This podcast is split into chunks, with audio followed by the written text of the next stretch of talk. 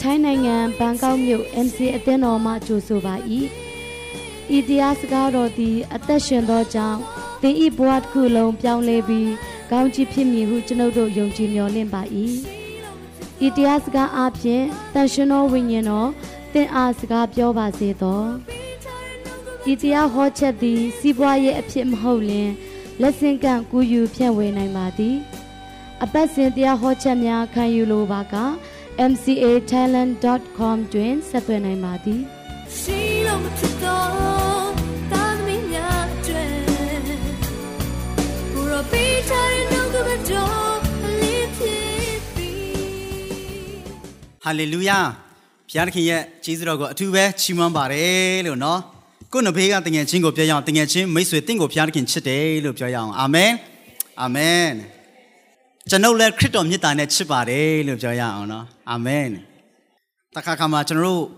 စိတ်ယုံတွေမှာဘုရားကိုမသိသေးတဲ့သူတွေကိုပို့တင့်ကိုဘုရားသခင်ချစ်တယ်လို့ကျွန်တော်အမြဲလို့ပြောတတ်တယ်ဒါပေမဲ့တခါတခါမှာကျွန်တော်တို့ညီကိုမောင်နှမတွေကိုအဲ့လိုပြောဖို့တတိမရတတ်ကြဘူးเนาะကျွန်တော်အမြဲတမ်းပြောနေဖို့ရန်အတွက်ဖြစ်ပါတယ်လို့เนาะ ကျေးဇူးတော်ကိုချီးမွမ်းပါတယ်ဒီကနေ့ညအာအသင်းတော်မှာအစေခံရတဲ့အတွက်နှုတ်ကပတ်တော်အဖြစ်အစေခံရတဲ့အတွက်ဘုရားသခင်ရဲ့ကျေးဇူးတော်ကိုချီးမွမ်းပါတယ်လို့เนาะဒီမှာရှိတဲ့ညီကိုများအရောက်စီတိုင်းကိုလည်းဘုရားသခင်တာရွေးကောင်းချီးပေးပါစေခဏလောက်ကျွန်တော်နှုတ်ကပတ်တော်အတွက်ဆုတောင်းကြရအောင် အသက်ရှင်တဲ့ဖခင်ကိုတော့ကိုကျေးဇူးတင်ပါတယ်ကိုတို့ရဲ့ကျေးဇူးတော်မှတပါအခြားတော့မင်္ဂလာမရှိပါယနေ့ညပြင်ဆင်ပေးတဲ့အချိန်တိုင်းထဲမှာပို့ဆောင်ပေးတဲ့တာတိမြအရောက်တိုင်းအတွက်ကျေးဇူးတင်တယ်လို့နှုတ်ကပတ်တော်အတွက်ကျေးဇူးတင်ပါ၏ ဒါကျွန်တော်ရဲ့နှုတ်ရှာကိုပိတ်တိတ်တယ်လို့အရောက်တိုင်းရဲ့နှလုံးသားတကားကိုဖွင့်တော်မူပါနှုတ်ကပတ်တော်ဟာမျိုးစေ့ဖြစ်တော်ကြောင့်အရောက်တိုင်းရဲ့စိတ်နှလုံးထဲမှာကြာပြီးအစတရားအတီးတီးစေပါမာနရဲ့နှုတ်ယူဖြစ်စီခြင်းစီးတန်းနောက်ဆက်ခြင်းအားလုံးကိုယေရှုနာမနဲ့ချီနှောင်ဖယ်ရှားပါတယ်။ကောင်းကြီးပေးပါနားလည်နေတဲ့ဉာဏ်ပညာကိုဝိညာဉ်တော်အဖြစ်မဆပါယေရှုနာမ၌ဆုတောင်းပါတယ်ဖခင်သခင်အာမင်။ယောရှုမှတ်စာအခန်းကြီး1အတူတူဖတ်စီခြင်းပါတယ်။ယောရှုမှတ်စာအခန်းကြီး1အခန်းငယ်3 ယောရှုမှတ်စာအခန်းကြီး1အခန်းငယ်3တင်းနဲ့3မောရှေအားငါဂတိရှိသည့်အတိုင်းတင်တို့နင်းသမျှသောမြေကိုတင်တို့အားငါပေးမည်ယောရှုမတ်စာအခန်းကြီး1အငယ်3ဖြစ်တယ်ကျွန်တော်တစ်ခေါက်ပြန်ဖတ်ပါမယ်မောရှေအားငါဂတိရှိသည့်အတိုင်းတင်တို့နင်းသမျှသောမြေကိုတင်တို့အားငါပေးမယ်ဒီစကားကဖယားသခင်ကယောရှုကိုပြောတဲ့စကားဖြစ်ပါတယ်နော် ယောရှုကိုဘာပြောလဲဆိုတော့တဲ့ငါမောရှေကိုဂတိပေးထားတယ်အဲ့ဒီဂတိအတိုင်းအခုမောရှေမရှိတော့ဘူးဒါပေမဲ့မင်းနဲ့အတူငါရှိမယ်မင်းတို့နဲ့အတူငါရှိမယ်လို့ပြောတယ်မင်းတို့နင်းဓမြတော့မြေကိုတဲ့ငါမင်းတို့ကိုအပိုင်ပေးမယ်လို့ပြောတဲ့ဘုရားသခင်ဖြစ်တယ်မောရှေအကြောင်းနည်းနည်းစဉ်းစားကြည့်ရအောင်ဒီနေရာမှာမောရှေမရှိတော့ဘူးဒါပေမဲ့ဘုရားရဲ့ဂတိတော်ဘုရားရဲ့စကားကရှိနေသေးတယ် ဖခင်ကမောရှေကိုပြောတဲ့စကားမောရှေမရှိတော့တဲ့နောက်ပိုင်းမှာဖခင်စကားကပြီးသွားပြီဆိုတာမျိုးမရှိဘူးတဲ့အာမင်ဒီကနေ့မောရှေကိုပြောခဲ့တဲ့ဒီစကားကမောရှေမရှိပေမဲ့ဖခင်စကားကအမြဲတမ်းတည်တယ်ဒါကြောင့်ဖခင်ရဲ့နှုတ်ကပတ်တော်ကရိုးရိုးလေးဖြစ်ဖြစ်ဆန်းဆန်းလေးဖြစ်ဖြစ်ဖခင်ရဲ့နှုတ်ကပတ်တော်ရဲ့တန်ဖိုးကဘယ်တော့မှမကြဘူးကာလတွေပြောင်းလဲပေမဲ့အခြေအနေတွေပြောင်းလဲပေမဲ့ဖခင်ရဲ့စကားရဲ့တန်ဖိုးဖခင်ရဲ့စကားရဲ့ဗိသိက်ကဘယ်တော့မှ မလျော့ဘူးဆိုတာကိုနားလည်စေချင်ပါတယ်မောရှေအကြောင်းနဲ့စဉ်းစားကြရအောင်မောရှေကဤတိရလူမျိုးကိုအဂုတုပြည်နဲ့ခေါ်ထုတ်ပြီးနှစ်ပေါင်းများစွာသူအာဥဆောင်လာခဲ့တယ်ဒါပေမဲ့တနေရာမှာသူတတိလွတ်ပြီးတော့မှအမားတစ်ခုလုံမိသွားတယ်အဲ့ဒါနဲ့ပဲသူကခါနန်ပြည်ကိုဖျားခင်ကမဝင်ခိုင်းတော့နော်မဝင်စားခိုင်းတော့ပေါ့ဆိုတော့မောရှေရဲ့အကြောင်းကိုစဉ်းစားလိုက်ရင်အင်မတန်မှသူ့သူ့ကိုစားပေါ့သူ့နေရာမှာကျွန်တော်တို့နေကြည့်မယ်ဆိုရင်ပေါ့လေအင်မတန်မှစိတ်စိတ်မကောင်းစရာပေါ့တရားဟောရချင်အခန်းကြီး 32မှာအဲ့ဒီအကြောင်းအရာလေးတွေ့ရပါတယ်နော်ကျွန်တော်နည်းနည်းဖတ်လိုက်မယ်တရားဟောရချမ်းအခန်းကြီး32အငယ်48ကနေဖတ်ရင်ထိုနေ့ချင်းတွင်ထောင်ရဖျားကယေရီခေါမြို့တစ်ဖက်မောဘပြီးအာဗရိန်တောင်ယိုနေဘောတောင်ထိပ်ပေါ်သို့တက်၍ဤတီလာအမျိုးသားတို့အားငါအပိုင်ပေးသောခါနန်ပြည်ကိုကြည့်ရှုလော့တင့်အကိုအာရုံဒီဟောရတောင်ပေါ်မှာတေ၍မိမိလူမျိုးစည်းဝေးရာသို့ရောက်တဲ့ကဲ့သို့တင်ဒီလဲတတ်သွားသောဤတောင်ပေါ်မှာတေ၍တင်ဤလူမျိုး စီဝေးရာတို့ရောက်လောဖခင်ကမောရှေကိုမင်းတေမယ်လို့ပြောတာဖြစ်တယ်စဉ်းစားကြည့်ညီကုန်းများဆရာဝန်ကမင်းတေမယ်လို့ပြောရင်ကျွန်တော်ဘယ်လောက်ထိထိတ်လန့်သွားမလဲနော်ဆေးရုံပေါ်မှာပေါ့လေကျမ်းမာရေးမကောင်းလို့ဆေးရုံပေါ်ရောက်သွားလို့ဆရာဝန်ကပြောလိုက်မယ်ပေါ့မင်းကနောက်ဆုံးအဆင့်ရောက်နေပြီသို့မဟုတ်လည်းမင်းကတပတ်ပဲကျွန်တော်တယ်မင်းတည်မယ်လို့ပြောလိုက်ရင်ကျွန်တော်တို့ဘလို့ဘလို့ဖြစ်သွားမလဲနော် မောရှေကနှစ်ပေါင်းများစွာခါနန်ပြည်ဝင်စားရဖို့ရင်သူလည်းလူတွေကလူလေသူလည်းခါနန်ပြည်မှာနေချင်မှာပေါ့နော်နှစ်ပေါင်းများစွာသူဥဆောင်လာခဲ့တယ်နှစ်ပေါင်းများစွာသူဖြတ်ကျော်လာခဲ့ပြီးမှမောဘလွင်ပြည်ယော်ဒန်မြစ်လေးပဲခြားတော့တယ်ဝင်ရဖို့ရင်အတွက်ခြေတလန်းနလန်းပဲလိုတော့တဲ့အချိန်မှာဖခင်ကမင်းမဝင်ရဘူးမင်းဒီတောင်ပေါ်တက်မင်းဒီတောင်ပေါ်မှာ တေရမှာဖြစ်တယ်လို့ပြောတယ်ဟာမောရှေနေရာမှာစဉ်းစားကြည့်အင်မတန်မှဝမ်းနည်းမှာပဲမောရှေတောင်ပေါ်တက်သွားတယ်ဖခင်နဲ့အတူတောင်ပေါ်တက်သွားတယ်ခါတိုင်းတောင်ပေါ်တက်တာနဲ့ဒီတစ်ခါတောင်ပေါ်တက်တာလုံးဝမတူတော့ဘူးခါတိုင်းကကျတော့စိတ်လှုပ်ရှားခြင်းများစွာနဲ့တောင်ပေါ်တက်မှာလေတိနာတောင်ပေါ်မှာဖခင်ကသူ့ကိုခေါ်တယ်သူတက်သွားတယ်ဖခင်ပြောတဲ့စကားတွေကိုကြားရတယ် ဣသရေလလူမျိုးကိုပြန်ဆင်းပြောတယ်ဟာအသက်ကြီးလို့ကြီးမှမသိပင်ပန်းလို့ပင်ပန်းမသိအဲ့ဒီဖခင်ရဲ့စကားကိုကြားပြန်ပြောကြားပြန်ပြောဟာကြီးကသူ့အတွက်ရင်ခုန်စရာစိတ်လှုပ်ရှားစရာဒါပေမဲ့ဒီတစ်ခါတော့သူခြေလန်းဘလို့လှမ်းမလဲညီကောင်မြသူ့ရဲ့နောက်ဆုံးခြေလန်းဖြစ်တဲ့ဒီခြေလန်းကတောင်ပေါ်ကိုဘလို့တက်မလဲတင်ဆိုရင်နော်အာဗြဟံဟာသူ့ရဲ့သားကိုခေါ်ပြီးတော့မှတောင်ပေါ်ကိုတက်သွားတဲ့အချိန်မှာသူ့စိတ်ထဲမှာဘလို့ဝမ်းနေမလဲမောရှေလည်းဒီအချိန်မှာသူ့နဘေးမှာဘယ်သူမှမရှိပေမဲ့သူခံစားမှာပဲနော်သူခံစားမှာပဲ တောင်ပေါ်တက်သွားပြီးတဲ့အခါမှာဖခင်ကမောရှေကိုပြောတယ်မောရှေမင်းကြည်တဲ့ငါလူမျိုးတွေကိုငါပေးမဲ့ငါဂတိပေးထားတဲ့တိုင်းပြည်ဟာဘလောက်ကောင်းတယ်ဆိုတာကိုမင်းကြည့်ပါလို့ပြောတယ်မောရှေကြည့်ပြီးတော့မှဟာတလောက်ကောင်းတဲ့တိုင်းပြည်တလောက်ကောင်းတဲ့တိုင်းပြည်အရင်တော့ကိုစဉ်းစားထားတာထက်အစအင်မတန်မှများတယ်နော်အင်မတန်မှဘလို့မပြောလို့မရအောင်ဒါတော့ तू မြင်ရတာနည်းနည်းလေးပဲလေတတိုင်းပြည်လို့မြင်ရဖို့တော့မလွယ်ဘူးပေါ့မြင်ရမှာတော့မဟုတ်ဘူးပေါ့ तू ဝမ်းနေမှာပဲ तू စိတ်ခံစားရမှာပဲ तू အမားလေးတစ်ခုကြောင့်တတိမထားဘဲနဲ့မှားသွားတဲ့အရာလေးတစ်ခုကြောင့်ခါနန်ပြည်အင်မတန်မှကောင်းတဲ့ကောင်းခြင်းမင်္ဂလာကို तू ဆုံးရှုံးသွားတယ်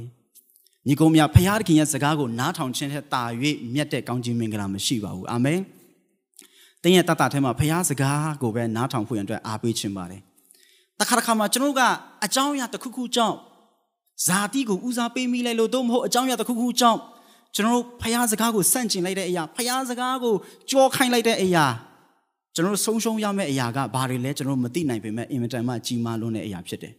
။မောရှေဟာသတိမထားဘဲနဲ့တခုကလေးလုံမိတာ။ဤတိလလူမျိုးတွေအချိန်ခါကလှုပ်တာကကြတော့သူတို့လည်းမဝင်စားရဘူးလေနော်သူတို့လည်းမဝင်စား။ဒါပေမဲ့မောရှေနေရာမှာအင်မတန်မှကောင်းတဲ့ခေါင်းဆောင်တယောက်ကဒီလိုဖြစ်သွားတာဖြစ်တယ်ညီကိုများ။ဒါကြောင့်အခုမောရှေမရှိတော့ဘူးတဲ့နော်အခုမောရှေမရှိတော့တဲ့အချိန်မှာတဲ့ဖခင်က ယောရှုကိုပြောတယ်မင်းတို့နဲ့အတူမင်းနဲ့အတူငါရှိမယ်။ဒါကြောင့်မောရှေကိုငါပြောခဲ့တဲ့စကားတွေက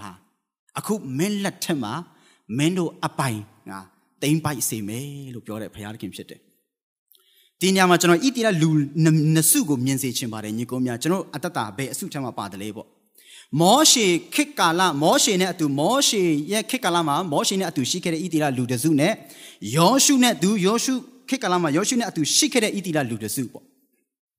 ဒီနှစ်စုထဲမှာကျွန်တော်တို့ဘယ်ဣတိလဘယ်အစုထဲမှာကျွန်တော်တို့ပါတယ်လဲမောရှေနဲ့သူ့ရဲ့ခေတ်ကာလမှာရှိခဲ့တဲ့ဣတိလလူတွေကကျွန်တော်ဘာနဲ့တူတယ်လဲဆိုတော့ဂျေဇုတော်ခံစားရပြီးတော့မှဘာဖြစ်လို့ဆိုမောရှေခေတ်ကာလကိုပြန်စဉ်းစားလိုက်လို့ရှိရင်အရာရာအားလုံးကဘုရားသခင်ကမောရှေအဖြစ်လှုပ်သွားပေးတာနော်ဣတိလလူမျိုးတွေဘာမှမပင်ပန်းဘူးဟုတ်ပြီနော်ဘာမှမပင်ပန်းသူတို့ခရီးမသွားနိုင်တော့ဘူးပင်ပန်းတယ်လို့ဘုရားကအပြစ်တင်လဲဘုရားကဒါကဲဒါဆိုရင်လဲနားကြနားကြ နားပြီးမှဖခင်ကသူတို့ကိုဖြင်းညင်းစွာနဲ့ဆွဲခေါ်ပေးတယ်တဲ့နော်သူတို့တခါကျရင်စင်ချင်များတာလေဤတိလလူမျိုးတွေကငါတို့ခီးသွားတော့ပင်ပန်းနဲ့ငါတို့မှာကလေးငယ်တွေရှိတဲ့တရိတ်ဆန်တွေပါတယ်ငါတို့ဒီလိုခီးလမ်းချမ်းကိုဘယ်လိုသွားနိုင်မလဲဖခင်ကနားလည်ပေးတယ်ဒါနားလည်ပြီးတော့ဖခင်ကသူတို့အနားယူခိုင်းတယ်ပြီးမှဖြည်းဖြည်းချင်းခေါ်သွားတယ်စားကြမရှိတော့ဘူးကျွန်တော်အားလုံးတီးတဲ့အတိုင်းပဲဖခင်ကမာနမှုတ်ကိုချကျွေးတယ်ဘယ်တော့မှလည်းပြန်မရုပ်သိမ်းသွားဘူးခန္ဓာပြမရောက်မချင်းပေါ့ တောင်းစရာမရှိဘူးလို့ပြောတဲ့အခါမှာလဲတကယ်ချိုတဲ့ရေသူတို့ပါဇက်ရှာဖျားကနေဘယ်တော့မှမမိတ်နိုင်တဲ့အရတာနဲ့ပြည့်စုံတဲ့ရေကိုသူတို့ခန္ဓာပြမရောက်မချင်းသူတို့ကိုကျွေးတယ်တိုက်တယ်စဉ်းစားကြည့်တော့ညီကောင်များအားလုံးနေပူတယ်လို့ပြောလိုက်တာနဲ့တခါတည်းမိုးတိမ်တိုင်နဲ့နော်အရိတ်ကိုတခါတည်းပေးတယ်မှောင်တယ်လာမရှိမှောင်မိုက်တယ်ကြောက်တယ်အရင်ချမ်းတယ်ဖခင်ကတခါတည်းအနှွေးတက်ရောအလင်းရော လုံခြုံခြင်းကိုပေးခဲ့တဲ့ဖခင်နေရောညရောနေရောညရောဘာမှပူစရာမရှိအောင်ဖခင်ကနှစ်40လုံးလုံးကျေးဇူးပြုပေးတဲ့ဖခင်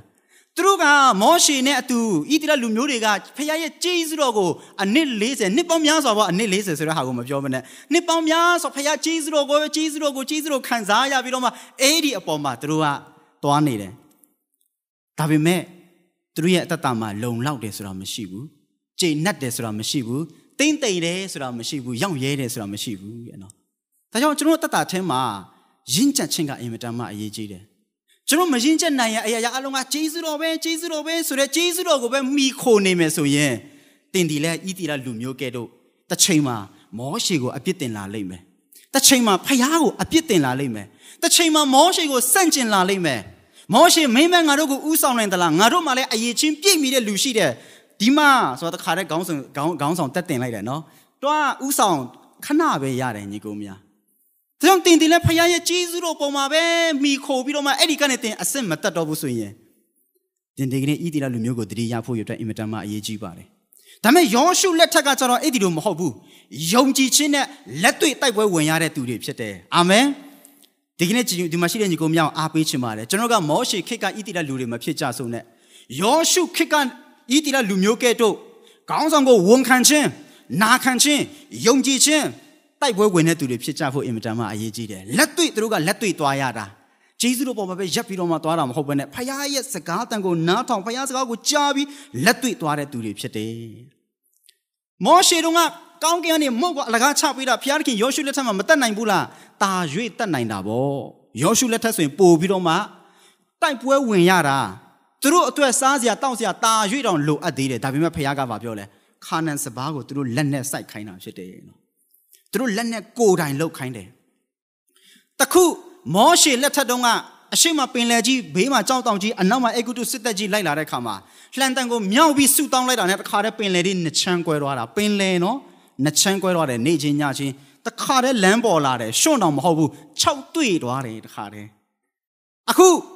ယောရှုလက်ထက်မှာယောရှုမတ်စာအခန်းကြီး3အခန်းကြီး4ဒီကနေ့ညအဲ့ဒီအကြောင်းအရာကိုအဓိကပြောချင်တာဖြစ်ပါတယ်လို့နော်ယောရှုမတ်စာအခန်းကြီး3နဲ့အခန်းကြီး4ယော်ဒန်မြစ်ကလေးပဲခြားတယ်ညီကုန်းများဖခင်ခင်ကယော်ဒန်မြစ်ကိုတော့မခွဲပေးဘူးနော်ကျွန်တော်ယောရှုမတ်စာအခန်းကြီး3နဲ့အခန်းကြီး4နှခမ်းစလုံးကိုဖတ်မယ်ဆိုရင်ဒီအကြောင်းအရာအပြည့်အစုံကိုကျွန်တော်တွေ့ရမှာဖြစ်ပါတယ်ဒါပေမဲ့လည်းကျွန်တော်နည်းနည်းလေးပဲဖတ်ကြရအောင်နော် အခန်းကြီး၄အငယ်အခန်းကြီး3ကိုဖတ်ရအောင်အခန်းအငယ်6ကနေ73ထိတပိုက်ဖြစ်တော့ကြောင်းကျွန်တော်အတူတူဖတ်ရအောင်လို့နော်နည်းနည်းတော့ရှည်တယ်ဒါပေမဲ့လည်းအတူတူဖတ်ချင်ပါတယ်လို့နော်ယောရှုမတ်စာအခန်းကြီး3အခန်းငယ်6ကနေ73ထိကိုကျွန်တော်အတူတူဖတ်ရအောင်တင်းနေတော့တဖန်ယေဘရဟိတ်တို့ကိုခေါ်၍တင်တို့သည်ဗရိညင်တစ်တာကိုထမ်း၍လူများရှိတို့ကူးသွားကြလော့ဟုယောရှုဆိုသည့်အတိုင်းသူတို့သည်ဗရိညင်တစ်တာတော်ကိုထမ်း၍လူများရှိတို့သွားကြ၏ ထောင်ရဖျားကလည်းယောရှုကိုခေါ်၍ငါဒီမောရှေနှင့်အတူရှိတကဲ့သို့တင်နှင့်အတူရှိတီကိုဤတေလအမျိုးသားအပေါင်းတို့သည်တိကြမည်အကြောင်းသူတို့မျက်မှောက်၌တင့်ကိုယနေ့ငါချီးမြှင့်စပြုမိဗရိညင်တစ်တာကိုထမ်းသောယေဘရဟေတို့သည်ယော်ဒန်မြစ်ရေနာတို့ရောက်သောအခါယော်ဒန်မြစ်နားမှရက်၍ပြကြောင်းကိုဆင့်ဆိုလောဟုမိန့်တော်မူ၏ယောရှုကလည်းလာကြလော့ တင်တို့ဖျားသခင်သည်ထာဝရဘုရား၏စကားတော်ကို နားထောင်ကြလော့ဟုဤတေလအမျိုးသားအပေါင်းတို့ကို ခေါ်လျက်အသက်ရှင်တော်မူသောဖျားသခင်သည်တင်တို့တွင်ရှိ၍တင်တို့ရှေ့မှခါနာနိလူဟိတ်တိလူဟိဝိလူဖေရဇိလူဂိရဂါရှိလူ အာမောရိလူ ယေဘူးတိလူတို့ကိုစင်စစ်နှင်ထုတ်တော်မူမည်အကြောင်းကိုအဘယ်တို့သိရမည်နည်းဟုမူကားမြေကြီးတစ်ပြင်လုံးကိုအစိုးရတော်မူသောထာဝရဘုရား၏ ဗြိဉ္ဉ်တတန်တော်သည်တင်တို့ရှေ့မှယော်ဒန်မြစ်ထဲသို့ကူးသွားလိမ့်မည်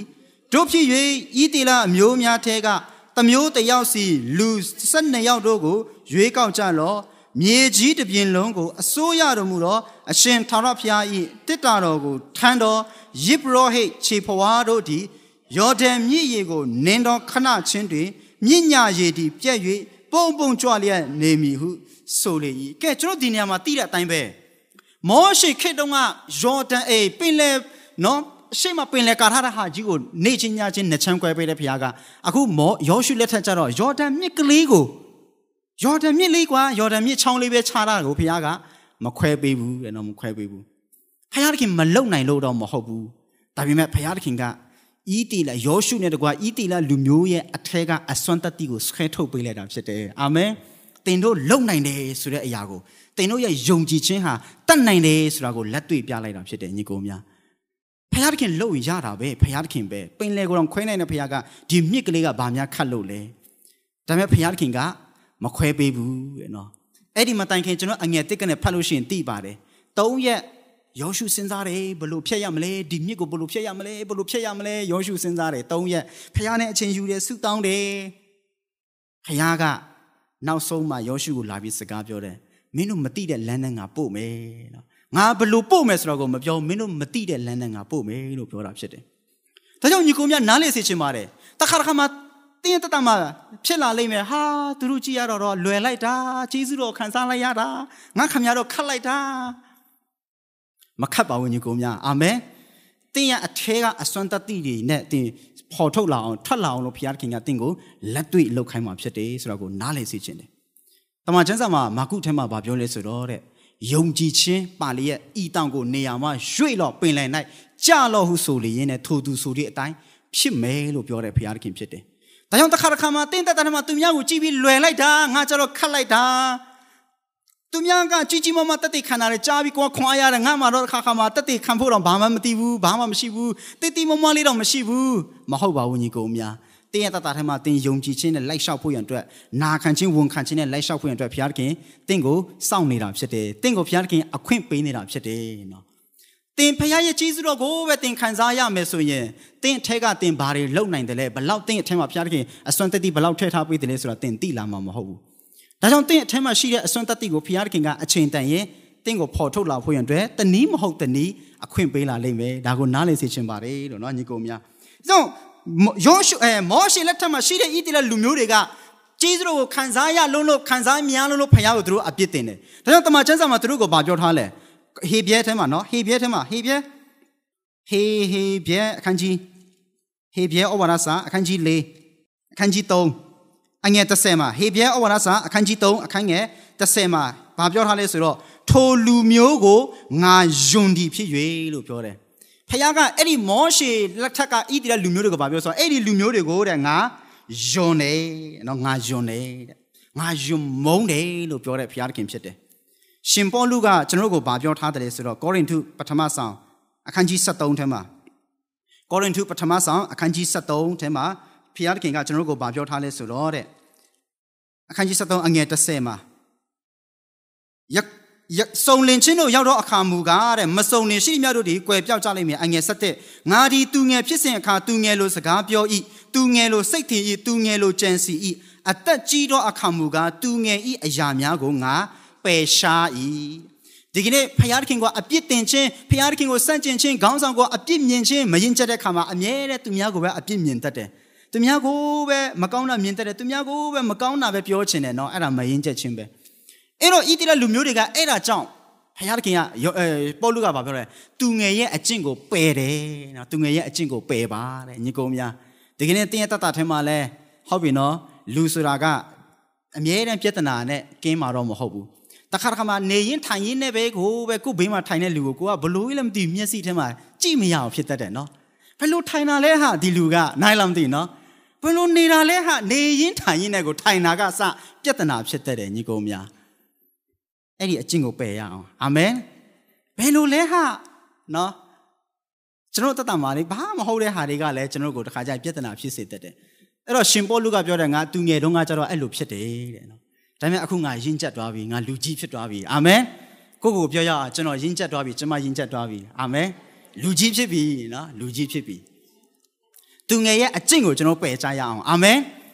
မနာလိုခြင်းညူဆူခြင်းကဲ့ရဲ့ခြင်းအပြစ်တင်ခြင်းရှုတ်ချခြင်းစန့်ကျင်ခြင်းပုံကန်ခြင်းဒါတွေအားလုံးကသူငယ်ရဲ့အကျင့်တွေဖြစ်တယ်အမြဲတမ်းဂယုစိုက်တာကိုပဲခံခြင်းတယ်ကောင်းပါတယ်ဂယုစိုက်တာခံရတာကောင်းပါတယ်သို့တော့တစ်ခါတစ်ခါမှာကိုယ်အလဲမရောက်လာရင်လဲ1 minute ဖို့တော့လိုတာပေါ့နော်ကဲကောင်းပြီဒါကြောင့်ရှင်ပေါလုကသူငယ်အရွယ်မှာတော့အဲ့ဒါတွေရှိတယ်အဲ့ဒါတွေဖြစ်တယ်ဒါပေမဲ့တဲ့ကြီးလာတဲ့ခါကျရင်ငါအဲ့ဒါတွေကိုဖယ်ပြီလို့ပြောတာဖြစ်တယ်ဒါကြောင့်ရှင်ဖျားသခင်က ဟေဘရဲထက်မှာအဲ့ဒီမောရှေလက်ထက်မှာရှိတဲ့ဣသရေလလူမျိုးတွေကိုအဲ့ဒီလူတွေဟာသူငယ်ဖြစ်တယ်မရင်ကြံဒါကြောင့်အဲ့ဒီလူမျိုးကိုငါယွံမုန်းတယ်လို့ပြောတယ်ဒါကြောင့်အဲ့ဒီလူရဲ့အတ္တဟာဖျားခင်ရဲ့အမွေဖျားကောင်းကြီးကိုမခံစားရဘူးတဲ့နော်ယောရှုလက်ထက်မှာရှိတဲ့ဣသရေလလူမျိုးတွေကပဲခါနန်ပြည်ကိုဝင်ပြီးတဲ့အခါမှာတနေရပြီးတနေရတနေရပြီးတနေရတမျိုးပြီးတမျိုးတမျိုးပြီးတမျိုးတနယ်ပြီးတနယ်တနယ်ပြီးတနယ်သူတို့တိမ့်ပိုက်ပြီးတော့မှအမွေရသွားတာဖြစ်တယ်အာမင် ဒါကြောင့်အတ္တတမှာအားပေးချင်ပါတယ်လို့နော်ကျွန်တော်တတ္တမှာယဉ်ကျက်ဖို့ရန်အတွက်အားပေးချင်ပါတယ်လို့နော်အဲ့တော့တဲ့တမန်ကျမ်းစာထဲမှာကျွန်တော်ဆက်ကြည့်မယ်ဆိုရင်ဤတိလလူမျိုးတွေဟာတဲ့နော်ဤတိလလူမျိုးတွေဟာယော်ဒန်မြစ်ကိုဖြတ်ဖို့ရန်အတွက်ဖြစ်လာတဲ့အခါမှာတဲ့ဖယားသခင်ကသူတို့ယော်ဒန်မြစ်ကိုဖြတ်ပြီးရင်ဟိုဘက်ကန်းဆိုခါနန်ပြည်ရောက်ပြီဆိုတော့ခါနန်ပြည်ကိုသူတို့တိမ့်ပိုင်ဖို့ရန်အတွက်ဖယားသခင်ကဒီအချိန်မှာ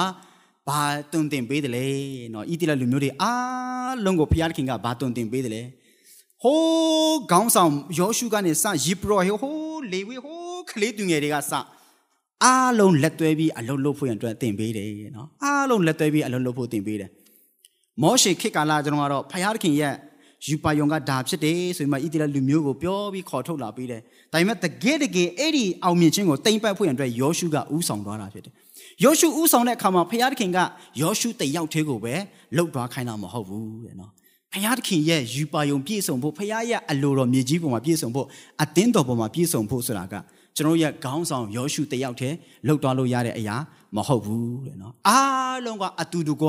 နာခံပြီးတော့မှလှုပ်ဆောင်ရမယ့်အရာဖြစ်တယ်။ဖခင်ကယော်ဒန်မြစ်ကိုဖျက်တဲ့အခါမှာဖခင်ကဣသရေလလူမျိုးကိုတွင်တင်ပေးတဲ့အရာလေးအိမ်မှာကျွန်တော်တမန်ကျမ်းစာတေချာပြန်ဖတ်စေချင်ပါတယ်ယောရှုမတ်စာအခန်းကြီး3နဲ့အခန်းကြီး4 ဖခင်ကပဲဆို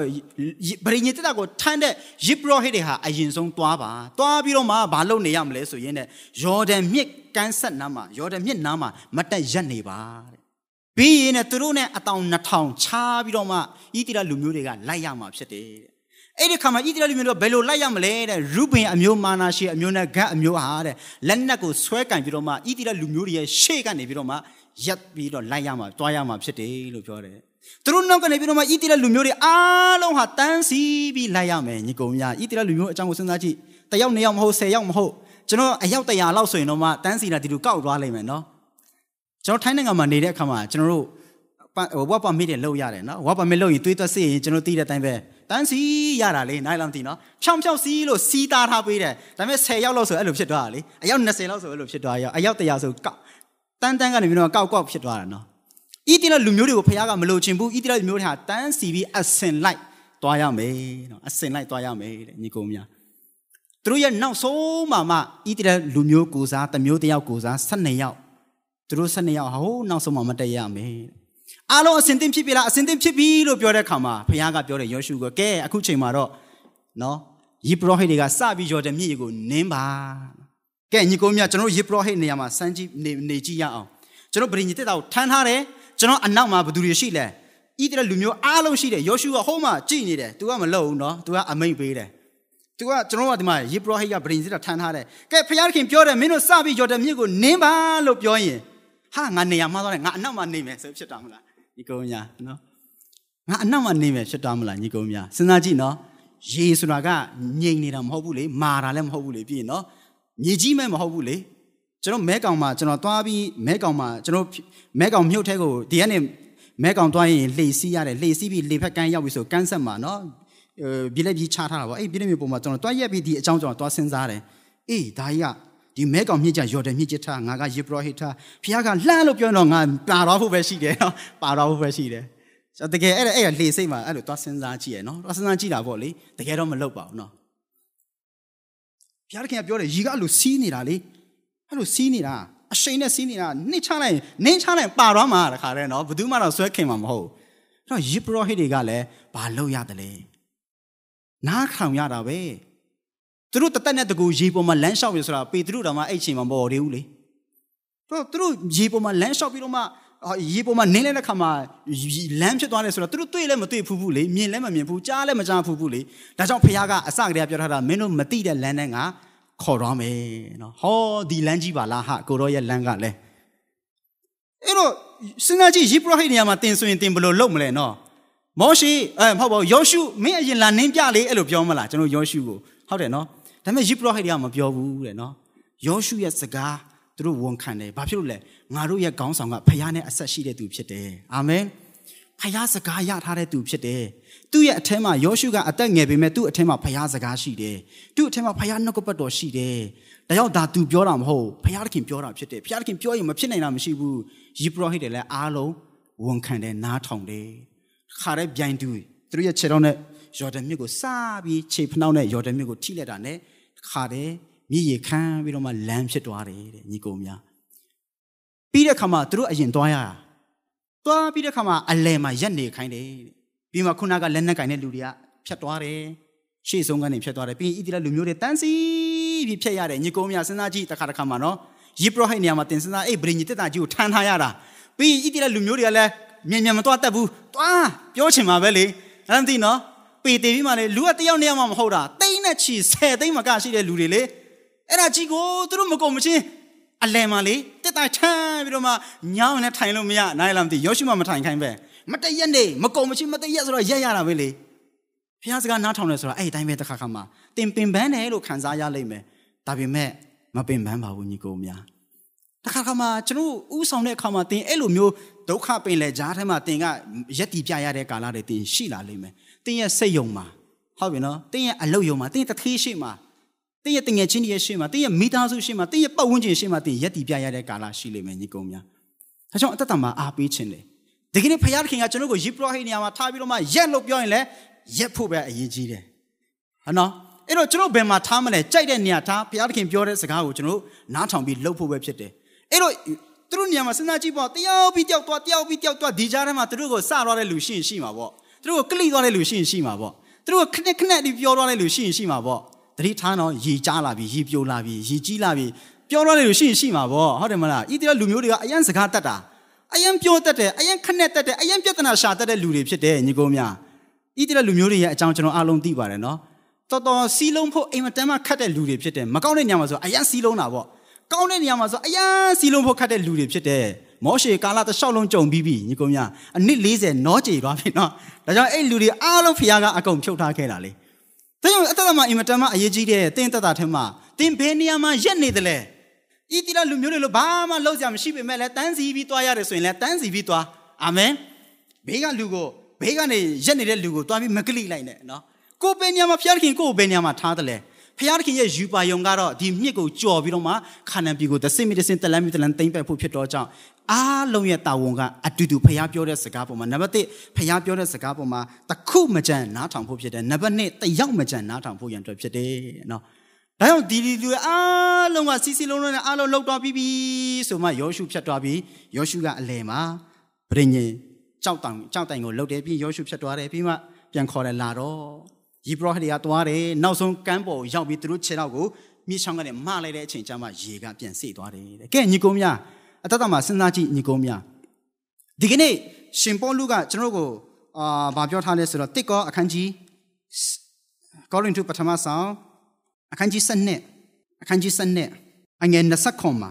တစ်ကောပထမဆောင်အခန်းကြီး7အခန်းငယ်20ခွန်မှာတင်တို့ဒီခရစ်တော်ဤကိုဖြစ်ကြ၏အတီးအတီးအင်္ဂါတော်ဖြစ်ကြ၏တဲ့အငယ်29မှာနော် ပြီးရင်အငယ်18မှာယခုမူကားဖျားသခင်သည်အလိုတော်ရှိတဲ့အတိုင်းအင်္ဂါများအတီးအတီးတို့ကိုကို၌စီရင်ခန့်ထားတော်မူ၏ကျွန်တော်ယုံကြည်သူအားလုံးကခရစ်တော်ရဲ့အသင်းတော်ထဲမှာခရစ်တော်ရဲ့အင်္ဂါဝင်ဖြစ်တယ်ကိုဒီဟူသောအသင်းတော်တစ်ခုထဲမှာအားလုံးကအင်္ဂါဝင်နေဖြစ်တယ်တဲ့ကျွန်တော်ရဲ့ခန္ဓာကိုယ်တစ်ခုလုံးမှာအလုံးမလုံးတဲ့အင်္ဂါပါရှိလဲအလုံးမလုံးတဲ့နေရာပေါ့နော်ဘာမှမရှိဘူးနော်ကျွန်တော်နှလုံးလဲညကျွန်တော်အိပ်ပျော်နေတဲ့ချိန်မှာနှလုံးလဲအလုံးလုံးနေတယ်သူလည်းပင်ပန်းလို့ငါလည်းခဏနားမယ်လို့ပြောရင်ကျွန်တော်ဘာဖြစ်သွားမလဲ သွားပြီနော်ထာဝရနားလဲရမှာနော်ဟုတ်တယ်နော်နှလုံးတောင်မှကျွန်တော်ကတော့အိတ်နေတာဒါ तू မအိတ်နေဘူး तू ကအမြဲတမ်းအလုပ်လုပ်ပေးနေရတာတွေးနေတယ်အဲ့လိုပဲလေလဲပတ်နေတာခန္ဓာကိုယ်တစ်ခုလုံးဥကောင်းကနေခြေဖြတ်တည်တယ်လို့လဲပတ်ပေးနေတာ तू လည်းအရန်မော်တာလဲတာများလို့ညောင်းပြီးဟေးမော်တာကျိုးမခံနိုင်တော့ဘူးခဏနားမယ်ဆိုရင်ကျွန်တော်ဘာဖြစ်သွားမလဲလေဖြတ်သွားမှာညီကိုများတေးရင်တေးနော်မတေးရင်ဖြတ်မဖြတ်ရင်တေးညီကိုများကျွန်တော်ရဲ့ခန္ဓာကိုယ်တစ်ခုမှအားလုံးကမအားဘူးအာမင် အာအာရရခန္ဓာကိုယ်ဘာမှမရှိဘူးနော်ခန္ဓာကိုယ်ထဲမှာဘာငါကအလုံးမရှိဘူးအားနေတယ်ဆိုတာဘာမှမရှိဘူးအားလုံးကသူ့အလုံးနဲ့သူလုံနေတယ်နော်သူ့တာဝန်နဲ့သူလုံနေတယ်ပြီးရင်တစ်ချိန်လုံးလုံနေမှာဖြစ်တယ်ညီကုန်းများခရစ်တော်ရဲ့အသင်းတော်ထဲမှာလူပိုမရှိဘူးအာမင်အားလုံးကဘုရားခင်ကကိုစီကျွန်တော်ကိုတာဝန်ပေးထားတယ်နော်ကိုစီတာဝန်ပေးထားတယ်ဒါကြောင့်ကျွန်တော်ကျွန်တော်ခရစ်တော်ရဲ့အသင်းတော်ထဲမှာကျွန်တော်ဘယ်ကဏ္ဍမှာအစေခံတယ်လဲဘယ်အပိုင်းမှာကျွန်တော်ဘုရားခင်ကျွန်တော်ကိုခွဲခတ်မှတ်သားပေးတယ်လဲ ကျွန်တော်ဘယ်ကဏ္ဍမှာဟုတ်ပြီနော်ဘုရားခင်ကျွန်တော်ကိုနေရာချထားတယ်လေဘုရားခင်ချထားတဲ့နေရာမှာကျွန်တော်အကောင်းဆုံးနာခံခြင်းတီးခံခြင်းနှိမ့်ချခြင်းနဲ့တစ္ဆာနဲ့လှုပ်သွားဖို့ပဲဖြစ်တယ်တခါခါမှကျွန်တော်တို့ကိုနေရာချထားတာတစ်မျိုးကျွန်တော်တို့လိုချင်တဲ့နေရာကတစ်မျိုးဖြစ်တတ်တယ်နော်အဲ့လိုလည်းဖြစ်တတ်တယ်ဒါကလူရဲ့စန္ဒလေလူရဲ့အသွေးသားဇာတိလေနော်ဟာငါဒီနေရာမှာဟိုနေရာဆိုငါနဲ့ပိုကြိုက်မထင်နဲ့ဆရာတွေနေရာချတာမှားသွားတယ်ဖြစ်တတ်တယ်နော်တခါခါဆရာကနေရာချတာမဟုတ်ဖခင်ကနေရာပေးထားတာဖြစ်တယ်သင်ကိုအာမင်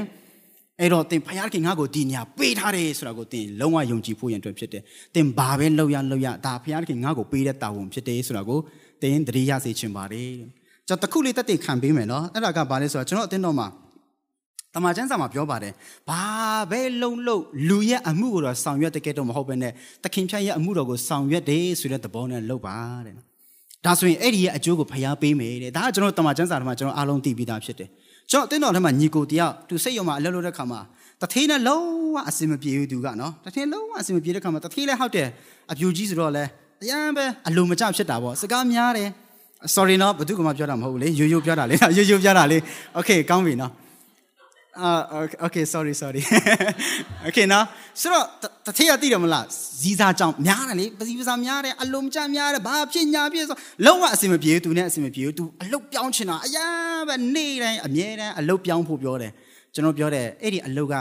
တထေးအလုံးမဟုတ်အဲ့ဒါဖះအလုံးဖះကတင့်ကိုပေးထားတာအဲ့ဒါတင်တထေးအလုံးလုံးနေတယ်လို့စဉ်းစားစိတ်ကူးနဲ့လုံးရင်တော့မင်းပင်ပန်းမှာတထေးနဲ့လည်းမင်းအစဉ်ပြေမှာမဟုတ်ဖះပေးထားတဲ့အလုံးဖြစ်တယ်ငါမိသားစုဖះအတွက်ဖះပေးထားတဲ့အလုံးဖြစ်တယ်ဆိုပြီးခံယူပြီးမှလုံးလို့ပြောမပြောင်းခိုင်းကျွန်တော်ကအတင်းပဲလှုပ်ခိုင်းတာနော်အတင်းပဲလှုပ်ခိုင်းတာကဲဒါနဲ့ तू လဲသူ့ရဲ့ခံယူချက်ပြောင်းလိုက်တာပေါ့အရင်တော့မာဖြစ်ညာဖြစ်တယ်ဆိုတော့အခုတော့ကဲကောင်းပြီဖះကြီးငါ့ကိုပေးတဲ့အလုပ်ဖြစ်တယ်ဆိုရင်မှမိုးလင်းလာတာနဲ့ဆူတောင်းတထေးကိုကောင်းကြီးပေးစက်ယုံကိုကောင်းကြီးပေးနိုင်လားမသိနော် အမြဲတမ်းဆူတောင်းပေးပြီးတော့မှအလုပ်လုပ်တဲ့ခါမှာပျော်လာတယ်တဲ့အဲ့ဒီအလုပ်ထဲမှာအရင်ကတော့မိုးလင်းလာနဲ့အာဒီနေ့ဘာညှိအောင်မလဲတခေးမနဲ့ဘာကွင်တက်အောင်မလဲဒါနဲ့ပဲအလုပ်ဆင်းနေရတယ်အခုတော့မဟုတ်တော့ပျော်လာပြီတဖြည်းဖြည်းနဲ့အာမင်တင်းရတတ်ထဲမှာတင်လုံနေတဲ့အလုပ်ပေါ်မှာတင်မပျော်တော့ဆိုရင်တင်လည်းမကောင်းဘူးတထေးလည်းမကောင်းဘူးเนาะအဲ့တော့ပျော်ဖို့အရေးကြီးတယ်အလုပ်လုပ်တဲ့အခါမှာအဲ့ဒါသူပျော်လာပြီနောက်ဆုံးတထေးကဘာဖြစ်လာသိလားအရင်တော့အဲ့ဒီစိတ်ယုံမှာအလုပ်လုပ်တဲ့လူတွေက သားသမီးတွေခလေးမွေးလာပြီဆိုရင်တတိယဘာမှပြီးမြန်ပြန်ပို့ခိုင်းလိုက်တယ်နော်ခလေးတွေရှုပ်တာပေါ့နားလည်အောင်ပြောမဆိုနော်ခလေးရှုပ်တယ်ခလေးမွေးပြီဆိုရင်ရာစိတ်ညစ်လာပြီထီရမျိုးပြန်ပြန်ပို့လိုက်ပြန်ပို့လိုက်ဆိုရလို့ပြန်ပို့ခိုင်းရတော့မပို့ချင်တဲ့လူတွေကအလုတ်ပြောင်းပြောင်းသွားကုန်တာပေါ့ဒါပေမဲ့ဒီမိသားစုလည်းကြာရောဖျားစကားကိုဝန်ခံပြီးတော့မှတထေးစိတ်ယုံကိုကောင်းကြီးပေးအလုတ်ကိုကောင်းကြီးပေးတထေးကိုကောင်းကြီးပေးပြီးပျော်ပြီးတော့မှအလုတ်စူးစမ်းပြီးလုပ်ပေးတဲ့အခါမှာတထေးကဘာပြောလဲသိလားဟိုးဗမာပြည်မှာရှိရသူ့ခလေးကိုပြန်ခေါ်ခိုင်းတယ်ဗျာနော် အော်ဗျာကလေးခေါ်တက်လာခဲ့မင်းတို့ဘုံမှာပြင်မှာဘလို့နေမလဲတလောက်ပြညာခေါ်လာခဲ့ခေါ်တက်ခိုင်းတာအာမင်ညီကုန်းမြနော်ဒီကိုရောက်လာရောကလေးတွေအားလုံးတစ်ထေးရတစ်ခါတည်းနော်အကောင်းဆုံးကြည့်ရှုပေးတာပေါ့အကောင်းဆုံးလုပ်ပေးတာပေါ့ဒါဟာသူတို့ရလိုက်တဲ့အကျိုးပဲလေနော်ဒါကြောင့်ဘာပဲလုံးလုံးဘုရားသခင်ဘာပဲထထပဲအလုပ်ပဲထထဘုရားသခင်ငါ့ကိုပေးတဲ့အလုပ်ဖြစ်တယ်ဆိုရင်မှတင်ဝန်ခံပြီး နာခံခြင်းနဲ့တစ္ဆာနဲ့လှုပ်ဖို့ရန်အတွက်အားပေးခြင်းဒါကြောင့်ကျွန်တော်တတ်သိခံတာပါနော်ဒါကြောင့်ဣတိလလူမျိုးတွေရဲ့တတမှာအားပေးခြင်းတယ်ကျွန်တော်ခရစ်တော်ရဲ့အသင်းတော်ထဲမှာခရစ်တော်ကကျွန်တော်ကိုနေရာကိုစီနေရာအားလုံးသူ့နေရာနဲ့သူကျွန်တော်ကိုနေရာချထားပေးပြီးဖြစ်တယ်ဒါကြောင့်ကျွန်တော်တို့အကောင်းဆုံးတစ္ဆာနဲ့လှုပ်ဖို့ရန်အတွက်အားပေးခြင်းပါတယ်နောက်ထပ်ကျမ်းပိုက်တစ်ပိုက်လေးကြည့်ကြရအောင်အဲ့ဒါကတိကောအခန်းကြီး3ထဲမှာဖြစ်တယ်ကောရိန္သုပထမဆောင်အခန်းကြီး3အခန်းငယ်9ငါတို့ဒီဘုရားသခင်ထံ၌အလုတ်လုတ်တော်သူချင်း ဖြစ်ကြ၏ကဲကောင်းပြီကျွန်တော်တို့အားလုံးကရှင်ပို့လို့ဗာပြောလဲငါတို့အားလုံးလို့ပြောတယ်နော်အတူတူငါတို့ဒီလို့ပြောတယ်ငါတို့အားလုံးကခရစ်တော်၌အလုတ်လုတ်တဲ့သူချင်းဖြစ်တယ်ဘယ်သူမှအငြိမ်မနေဘူးဘယ်သူမှမလုတ်တဲ့သူလည်းဘယ်သူမှမရှိဘူးအားလုံးကအလုတ်လုတ်နေတဲ့သူတွေပဲဖြစ်တယ်လို့ပြောတယ်ခရစ်တော်ရဲ့အသင်းတော်ထဲမှာခရစ်တော်ရဲ့ကိုယ်ထဲမှာဆက်သွားရအောင်အငယ်30ဖယားသခင်ရဲ့ကျေးဇူးတော်ကိုငါခံရတဲ့အညီလိမ္မာတော်ဘိတုကကဲ့သို့တိုက်မြစ်ကိုချပြီးအခြားသောသူတွေထပ်ဆင့်၍တီဆောက်လေ၏ တို့ရာတွင်အဘယ်တို့ထပ်ဆင့်၍တီဆောက်ဒီကိုလူတိုင်းတတိပြုပါစေကဲတတိပြုပါစေဆိုတဲ့စကားလေးကိုဆင်ခြင်ကြည့်ရအောင်ညီကိုများအပေါ်မှာတော့ငါတို့အားလုံးဟာခရစ်တော်ရဲ့အသင်းတော်ထဲမှာအတူတူအလုပ်လုပ်နေတဲ့သူတွေဖြစ်တယ်တဲ့ခရစ်တော်ချထားတဲ့အုံမြစ်ပေါ်မှာအတူတူတည်ဆောက်နေတဲ့သူတွေဖြစ်တယ်ညီကုန်းများဒီကနေ့တင်ဒီအသင်းတော်မှာအတူတူခရစ်တော်ရဲ့အသင်းတော်ကိုတင်တည်ဆောက်နေတာဖြစ်ပါတယ်အာမင်ကျွန်တော်ဟာဧည့်သည်မဟုတ်ဘူးလို့ပြောတဲ့တမန်ကျမ်းစာမှာ တကြွန်းတန်နိုင်ငံသားလည်းမဟုတ်ဘူးတဲ့ဧည့်သည်အာဂန်တို့လည်းမဟုတ်ဖခင်ရဲ့အိမ်တော်တာမိသားစုတွေဖြစ်တယ်လို့ပြောတယ်ဖခင်ရဲ့အိမ်တော်တာဖခင်ရဲ့မိသားစုဝင်တွေဟာခရစ်တော်ရဲ့အသင်းတော်ကိုအတူတည်ဆောက်နေတာဖြစ်တယ်အဲ့ဒီကနေ့ကျွန်တော်အသင်းတော်ထဲမှာဘယ်လိုတည်ဆောက်နေတယ်လဲခရစ်တော်ရဲ့အသင်းတော်ကိုကျွန်တော်ဘယ်လိုတည်ဆောက်နေတယ်လဲခရစ်တော်ရဲ့အသင်းတော်ပေါ်မှာကျွန်တော်ဘယ်လိုလှုပ်ဆောင်နေတယ်လဲဘယ်လိုအစေခံနေတယ်လဲဘယ်လိုနှလုံးသားမျိုးနဲ့လှုပ်နေတယ်လဲလူတိုင်းတတိပြုပါလူတိုင်းတတိပြုပါဒီကနေ့တင်ကခရစ်တော်ရဲ့အသင်းတော်ကိုတည်ဆောက်နေတယ်လို့ပြောပြီးမှတစ်ဖက်မှာပြိုလဲနေတာတစ်ဖက်မှာဖြစ်စည်းနေသလား သုံးမဟုတ်တစ်ဖက်မှာတင်ဘာတွေလုပ်နေတယ်တစ်ဖက်မှာတင်တင်းခွဲနေသလားအဲ့ဒါတင်ဆင်ရှင်ပါလို့ပြောတာဖြစ်တယ်တင်ဘလို့တီစောင့်နေတယ်လေတဲ့အားလုံးကတော့တင်လှုပ်တဲ့အရာကောင်းတာမကောင်းတာရောဘလို့ဖြစ်ဖြစ်တင်လှုပ်တဲ့အရာအားလုံးကခရစ်တော်ရဲ့အသင်းတော်ကိုဓာတ်ရိုက်ဆက်သွယ်နေတာဓာတ်ရိုက်ဆက်နွယ်နေတာဖြစ်တယ်နော်ဒါကြောင့်ဘေလူတီစောင့်နေတာလဲဘလို့လှုပ်နေတာလဲသတိထားပါတဲ့တမန်ကျမ်းစာမှာရွှေငွေကြောက်ကောင်းတစ်တာကောက်မြက်ပင်ကောက်ယူဆိုပြီးမှရှိပါတယ်ပြောပါတယ်နော် အဲ့တော့အရေးကြီးဆုံးအရာကတင်ခရစ်တော်ရဲ့အသင်းတော်ကိုတီစောင့်နေတယ်လို့ပြောလာတဲ့ခါမှာတင်ရွှေနဲ့တီစောင့်နေသလားငွေနဲ့တီစောင့်နေသလားကြောက်ကောင်းနဲ့တီစောင့်နေသလားဟုတ်ပြီနော်တင်တစ်သားနဲ့တီစောင့်နေသလားတစ်သားဆိုတာကမီးဆွဲရင်ချက်ချင်းပြကြတာမဟုတ်လေဒါပေမဲ့ဖြည်းဖြည်းချင်းကြိုက်စားတာလေနော်ဖြည်းဖြည်းချင်းဖြည်းဖြည်းချင်းနဲ့ဖြည်းဖြည်းချင်းနဲ့တခုလုံးပြက်စီးတာနော်မြက်ပင်ဘလောက်ပဲလှတယ်ပြောပြောအပြင်ပန်းတရံကြည့်လှတယ်မနှက်ဖြန်ဆိုညှိုးသွားရော ဘလောက်ပဲလှတယ်ပြောပြောဘလောက်ပဲချစ်စရာကောင်းတယ်ပြောပြောကြာကြာမခံဘူးလေဟာအရင်ကြိုးစားလိုက်တာဒါပေမဲ့ကွာခဏပဲလှုပ်တယ်သူကလည်းညီကောင်များကောက်ရိုးဟေးလုံမဲ့ဝုံဝုံဘုံဘုံဘုံဆိုပြီးပျောက်ပျောက်ပျောက်ပျောက်ပျောက်သွားတာလေနော်ဆိုတော့ဒီကနေ့ကျွန်တော်တက်တာမှာဘယ်လိုမျိုးတီဆောက်နေတယ်လဲတဲ့ဘယ်လိုမျိုးစိတ်သဘောထားဘယ်လိုမျိုးလောက်ရက်တွေဘယ်လိုမျိုးအကျင့်တွေ ဘယ်လိုအတ္တမျိုးတွေနဲ့ကျွန်တော်ခရစ်တော်ရဲ့အတင်းတော်မှာကျွန်တော်တည်ဆောက်နေကြတယ်ဒါကိုလူတိုင်းတတိပြုပါစေ။ဘာကြောင့်လဲဆိုရင်ကျွန်တော်အားလုံးကဆီယာရဲ့ရှေ့မှာမတ်တရရမှာမဟုတ်ဘူးကျွန်တော်ကိုကယ်တင်တဲ့ယေရှုခရစ်တော်ဖခင်ကျွန်တော်ချီးမွမ်းနေတဲ့ဖခင်ကျွန်တော်ကောင်းမြတ်တယ်နဲ့နဲ့တန်းဂိူနာတော်ကိုပေးပါတယ်ဆိုတဲ့ဖခင်ရဲ့ရှေ့မှာမတ်တရရမဲ့သူတွေဖြစ်တယ်။ထိုဖခင်ကတော့တရားတဲ့ဖခင်ဖြစ်တော့ကြောင့်တရားတစ်ဖြစ်ပဲကျွန်တော်ပေါ်မှာအကျိုးအမြတ်ဟုတ်ပြီနော်စီရင်ပေးမဲ့ဖခင်ဖြစ်တယ်တဲ့။ညီကုန်းများဒါကြောင့်အသက်တာမှာအားပေးခြင်းပါတယ် ဒီကနေ့ကျွန်တော်တို့ခရစ်တော်ရဲ့အသင်းတော်ထဲမှာပါဝင်နေတဲ့အခါမှာဘုရားခင်ငါ့ကိုပေးထားတဲ့နေရာဘုရားခင်ငါ့ကိုချထားပေးတဲ့တာဝန်ကျွန်တော်အကောင်းဆုံးလှုပ်ဆောင်ကြရအောင်အကောင်းဆုံးတစ္ဆာနဲ့ကြိုးစားပြီးလှုပ်ဆောင်ကြရအောင်မောရှေလက်ထက်ကဣတိရလူမျိုးကဲ့သို့အမြဲတမ်းမောရှေတွေကိုဘုရားခင်ကိုအပြစ်တင်တဲ့သူတွေမဖြစ်ကြစို့နဲ့ အမြဲတမ်းဘုရားခင်ရဲ့စကားကိုကြားပြီးခေါင်းဆောင်ကိုဝန်ခံကခေါင်းဆောင်တဲ့သဘောတူသောသူတွေဖြစ်ကြရအောင်ခေါင်းဆောင်ရဲ့စကားကိုဝန်ခံသောသူတွေဖြစ်ကြရအောင်ခေါင်းဆောင်ရဲ့စကားနောက်ကိုအမြဲတမ်းလိုက်သောသူတွေဖြစ်ကြရအောင်စီစီလုံးလုံးနဲ့တယောက်ကိုတယောက်ခေါင်းဆောင်ကိုဝန်ခံရတာလွယ်တယ်အချင်းချင်းဝန်ခံဖို့ခက်တတ်တဲ့တခါခါမှာနော်ဆရာတွေနဲ့တဲ့တယ်ဒါပေမဲ့အချင်းချင်းမတဲ့ဘူးလေနော်ဆရာတွေနဲ့ပြဿနာမရှိဘူးပြဿနာကကိုယ့်ဘေးကလူနဲ့ဖြစ်တတ်တယ်အဲ့တော့ယောရှုနဲ့တဲ့ဖို့ပဲမဟုတ်ဘူးကိုယ့်ဘေးကလူတွေနဲ့လည်းတဲ့ရမယ်အာမင် ယောရှုနဲ့တဲ့ရင်ပြီးပြီငါနဲ့ဖခင်နဲ့ဂျာမဘာပြဿနာမရှိဘူးကျန်တဲ့လူတွေနဲ့ငါမသိဘူးဆိုတာမျိုးမဟုတ်ဘဲနဲ့လေနော်ဆိုတော့ဖခင်နဲ့လည်းတဲ့ရမယ်ခေါင်းဆောင်နဲ့လည်းတဲ့ရမယ်ကိုဘေးကလူနဲ့လည်းတဲ့ရမယ်အားလုံးနဲ့အတူတူတဲ့ရမယ်အတူတူစီစီလုံးလုံးနဲ့ကျွန်တော်အလုံးလုံးဖွင့်အတွက်အားပေးချင်ပါတယ်လို့နော်အင်မတန်မှချစ်စရာကောင်းတဲ့အတင်းတော်ဖြစ်တယ်ဖခင်အထူးပဲကောင်းကြီးပေးတော့အတင်းတော်ဖြစ်ပါတယ်ဒါကြောင့်ဒီကနေ့ကိုယ့်ရဲ့အလုပ်ကိုကိုခိုးရောက်မှ ဟာကိုတော်ရဲ့နောက်တစ်ချိန်အခွင့်အရေးပေးပါလို့ဆိုတာထက်အခုမြေကြီးပေါ်မှာကလေးကနေကျွန်တော်တို့ရွှေငွေကြောက်ကောင်းဆိုတဲ့အတ္တမျိုးနဲ့အကောင်းဆုံးပြင်ဆင်ဆက်ကပ်ကြရအောင်ကြောက်ကောင်းနဲ့ပတ်သက်လိုက်ရင်ကျွန်တော်အမြဲတမ်းအတင်းတော်မှာပြောလေးပြောထားရှိတဲ့စကားလေးတစ်ခုရှိပါတယ်ကျွန်တော်မောကုတ်မှာကြောက်ထွက်ပါတယ်နော်ကျွန်တော်အဖေကလည်းနည်းနည်းကြောက်ရောင်းဝယ်လောက်တာပေါ့ကျွန်တော်တစ်ခေါက်ပြန်တော့တော့ဘာတိသွားတယ်လေကြောက်ကိုသူတို့ကမီးဖုတ်တယ်နော်မီးဖုတ်တယ်ညီကိုများကြောက်ကိုတစ်ခုဝယ်လာပြီးတော့မှ မီးနဲ့ဖုတ်လိုက်တဲ့ခါကျရင်အောင်သွားလို့ရှိရင်တန်ဖိုးကမြင့်သွားတယ်နော်ဒါကြောင့်ကျွန်တော်တက်တာမှာမီးဆိုတာကဒီတိုင်းနားထောင်လိုက်ရင်ဟုတ်ပြီနော်မကောင်းပေမဲ့လည်းကျွန်တော်ရဲ့အတ္တတာကိုအည်သွေးတွေမြင့်ပေးတယ်ကျွန်တော်ရဲ့အတ္တတာကိုတာ၍တန်ဖိုးတွေမြင့်သက်ပေးတဲ့အရာဖြစ်တယ်မီးမှာဖြတ်လျှောက်ခိုင်းမယ်ဖခင်ကနော်မီးမှာဖြတ်လျှောက်ခိုင်းမယ်လို့ပြောတယ်ဖခင်ခင်ဖြစ်တယ်ကျွန်တော်ရဲ့အလုပ်တွေအားလုံးကိုဖခင်ကမီးနဲ့စစ်မယ်တဲ့ အဲ့ဒီအခါကျမှအမှန်လားအတုလားအယောင်ဆောင်လားအစစ်အမှန်လားဆိုတာအဲ့မှာပေါ်လာမှာဖြစ်တယ်တင်းရဲ့တတထဲမှာပြဿနာမကြုံမချင်းကတော့တင်းဟာတီးခံတတ်တဲ့လူလားစိတ်ရှည်တတ်တဲ့လူလားဂျေဇုပြုတ်တတ်တဲ့လူလားဆိုတာတင်းပေါ်မှာမဟုတ်ဘူးပြဿနာကြုံမှတင်းတီးခံတတ်တဲ့လူလားဂျေဇုပြုတ်တတ်တဲ့လူလားတမန်ကျမ်းစာမှာပြောတယ်တင်းရဲ့ပါးတစ်ဖက်ကိုရိုက်ရင်နောက်တစ်ဖက်ပေးပါလို့ပြောတယ်တင်းရဲ့အပေါ်အင်ဂျီကိုယူရင်အထက်ကအင်ဂျီပါချွတ်ပေးလိုက်ပါတဲ့နော်သူများစီကနေပြီးတော့မှတစုံတစ်ခုကိုတင်းအပေါင်ယူထားတယ်ဆိုရင်မုံမချုပ်ခင်ပြန်ပေးပါတဲ့ ကျွန်တော်ကပြန်မပေးဘူးတွတ်တောင်းတာနော်အမေပြန်ပေးတော့โอเคကောင်းပါပြီเนาะဆိုတော့ကျွန်တော်တက်တာမှာဒီကနေ့ကိုကတကယ်ဟုတ်ပြီเนาะဘယ်သူလဲဆိုတာကပြဿနာကြုံရင်တင်ပေါ်မှာဖြစ်တယ်အာကိုတော့ကိုကျွန်တော်ပေးတယ်ပေးတယ်ပေးတယ်လို့ပြောပေမဲ့တကယ်ပေးရတာကအပြစ်မှာတင်တကယ်ပေးကမ်းသလားကိုတော့ကိုကျွန်တော်ချစ်တယ်ချစ်တယ်လို့ပြောပေမဲ့တမန်ကျမ်းစာမှာပြောတဲ့ဖခင်တခင်ကတော့မြင်ရတဲ့မိမိညီကိုကိုတော့မှမချစ်ဘူးဆိုရင်တော့တဲ့ငါ့ကိုချစ်တယ်ဆိုတော့ငါဘလို့ လက်ခံပေးမလဲငါဘလို့နားလည်ပေးမလဲနော်မြင်ရတဲ့မင်းတို့ညီကိုချင်းချင်းတော့မချစ်ဘူးဆိုရင်မမြင်ရတဲ့ငါ့ကိုချစ်တယ်ဆိုတာငါဘလို့လက်ခံပေးမလဲငါဘလို့နားလည်ပေးမလဲဒါကြောင့်ဖခင်ကိုချစ်တယ်လို့ပြောတဲ့အခါမှာကျွန်တော်ဖခင်ခင်ကိုဖတ်တာမဟုတ်ဘဲနဲ့ကိုညီကိုတွေကိုဖတ်တာဖြစ်တယ်ကိုယ့်ရဲ့နဘေးကလူကိုလက်သွဲတာဖြစ်တယ်ကိုယ့်ရဲ့နဘေးကလူကိုဝန်ခံတာဖြစ်တယ်ကိုယ့်နဘေးကလူကိုလူရဲ့ရှေ့မှာနှိမ်ချတာဖြစ်တယ်တမန်ကျမ်းစာမှာ ခရစ်တော်ရဲ့နိယာမကဘာပြောလဲတဲ့ယေရှုခရစ်တော်ဖခင်ကဘယင်ဖြစ်ပါလျက်နဲ့ဖခင်ဖြစ်ပါလျက်နဲ့သခင်ဖြစ်ပါလျက်နဲ့နော်နှိမ်ချပြီးတော့မှတဲ့နော်လာတယ်တဲ့လောကကို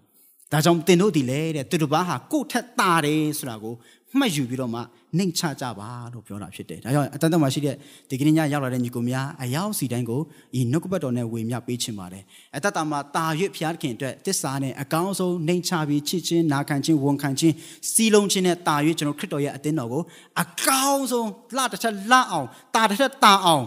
တိုးပွားတစ်ချက်တိုးပွားလောက်အောင်ကျွန်တော်အကောင်းဆုံးအစေခံကြရအောင်အာမင်ဤနှုတ်ကပတ်တော်ဖြစ်အယောက်စီတိုင်းကိုဖျားခင်တာ၍ကောင်းချီးပေးပါစေယေရှုတင်ပါတယ်